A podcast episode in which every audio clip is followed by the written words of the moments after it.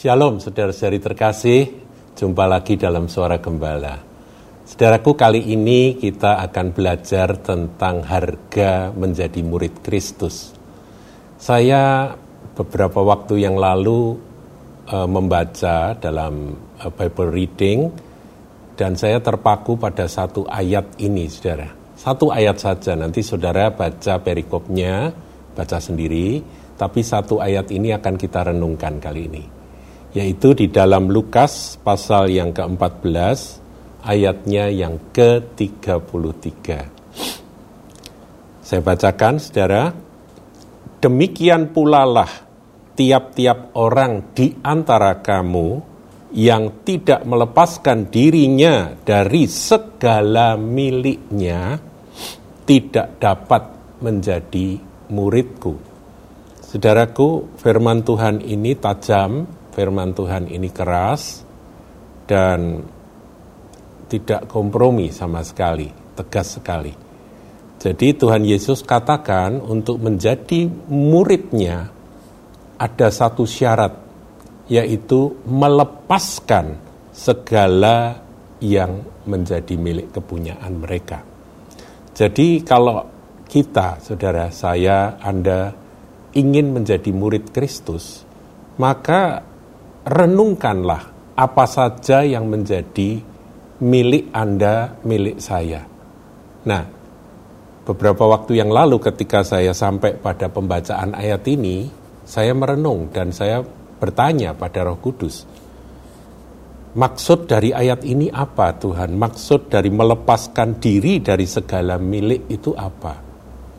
Nah, ini tentunya maknanya adalah makna sikap hati, Saudara. Tuhan tidak tidak memerintahkan kita untuk melepaskan segala milik itu dalam arti harafiah. Tetapi di dalam hati kita, kita harus belajar, kalau mau jadi murid Kristus, saudaraku ya, belajar untuk merenungkan bahwa segala yang ada pada kita, mulai ya saudara, mulai dari yang di luar kita. Apa itu saudara? Ya, yang di luar kita itu barangkali harta milik kita yang Tuhan percayakan pada kita. Apakah kita bisa melepas itu dengan menyadari Tuhan ini semua adalah titipan. Ini semua adalah eh, kasih karuniamu di mana engkau mempercayakan akan semua harta benda ini milik yang Tuhan berikan padaku ini, ini sementara Nah, ini ini pikiran kita harus ke sana, Saudaraku. Jadi perenungan kita harus sampai pada kesadaran bahwa semua yang ada di luar kita itu harta benda, kemudian kedudukan, kemudian jabatan, kemudian pekerjaan atau apa saja. Itu semua adalah sementara dan itu adalah milik Tuhan yang dititipkan pada kita. Nah, kesadaran kita harus sampai ke sana. Termasuk komunitas yang dekat dengan kita, teman-teman, orang-orang yang kita sayangi, kita kasih dan mengasihi kita. Pelayanan juga, saudaraku ya. Kalau Anda dipanggil dalam pelayanan tertentu, pelayanan itu bukan bukan milik Anda, bukan milik saya.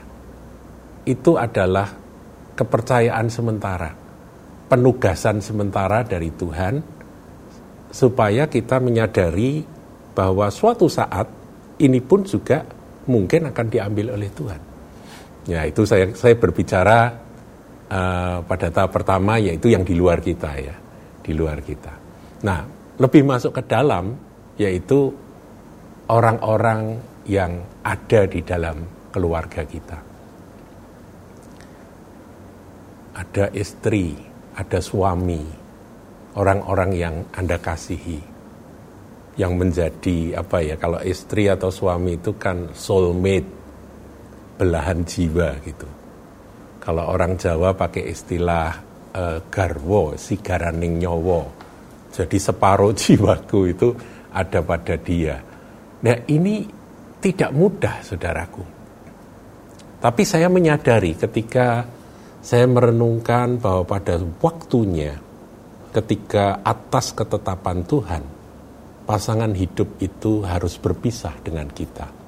Karena waktunya pulang mendahului kita. Pulang ke surga, saudaraku. Maka firman ini harus menjadi apa ya menjadi persiapan buat kita. Kita bukan memikirkan hal-hal negatif, rasanya kok memikirkan hal-hal yang menyedihkan padahal nggak ada masalah apa-apa. Tetapi kebenaran ini kalau kita mau renungkan, saudara, saya ulangi ya, demikian pula lah tiap-tiap orang di antara kamu yang tidak melepaskan dirinya dari segala miliknya tidak dapat menjadi muridku. Saudaraku suami, istri, belahan jiwa, kemudian anak-anak, ya.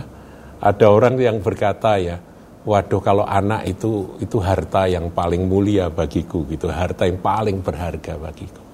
Tapi saya juga melihat saudaraku ada orang tua yang harus melepas anaknya ketika Tuhan menetapkan bahwa anak itu harus pulang mendahului orang tuanya. Saya pernah berbicara di dalam satu uh, acara penghiburan di mana ada seorang anak yang meninggal terlebih uh, mendahului orang tuanya. Saya berkata, ini kata-kata dari mama saya, ya kalau anak ngubur orang tua itu biasa, tapi kalau orang tua ngubur anak itu berat. Saya tahu, saudaraku, berat. Tapi kalau kembali kepada ayat ini, kita harus bisa melepaskan diri kita dari segala milik kita. Karena apa? Kesadaran bahwa itu bukan milikku. Itu adalah titipan sementara dari Tuhan. Saya tidak katakan bahwa perpisahan karena orang-orang kita kasih diambil Tuhan itu tidak berat. Oh, so pasti sangat berat, saudaraku. Tetapi firman ini akan meneguhkan kita, menyadarkan kita.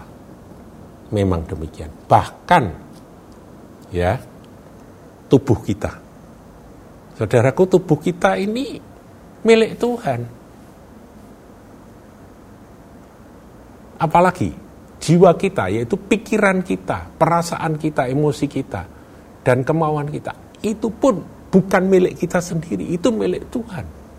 Makanya mengikut Tuhan itu kan uh, apa firman yang dikenakan pertama kali ketika kita mau ngikut Yesus itu harus menyangkal diri, memikul salib, mengikut dia setiap hari.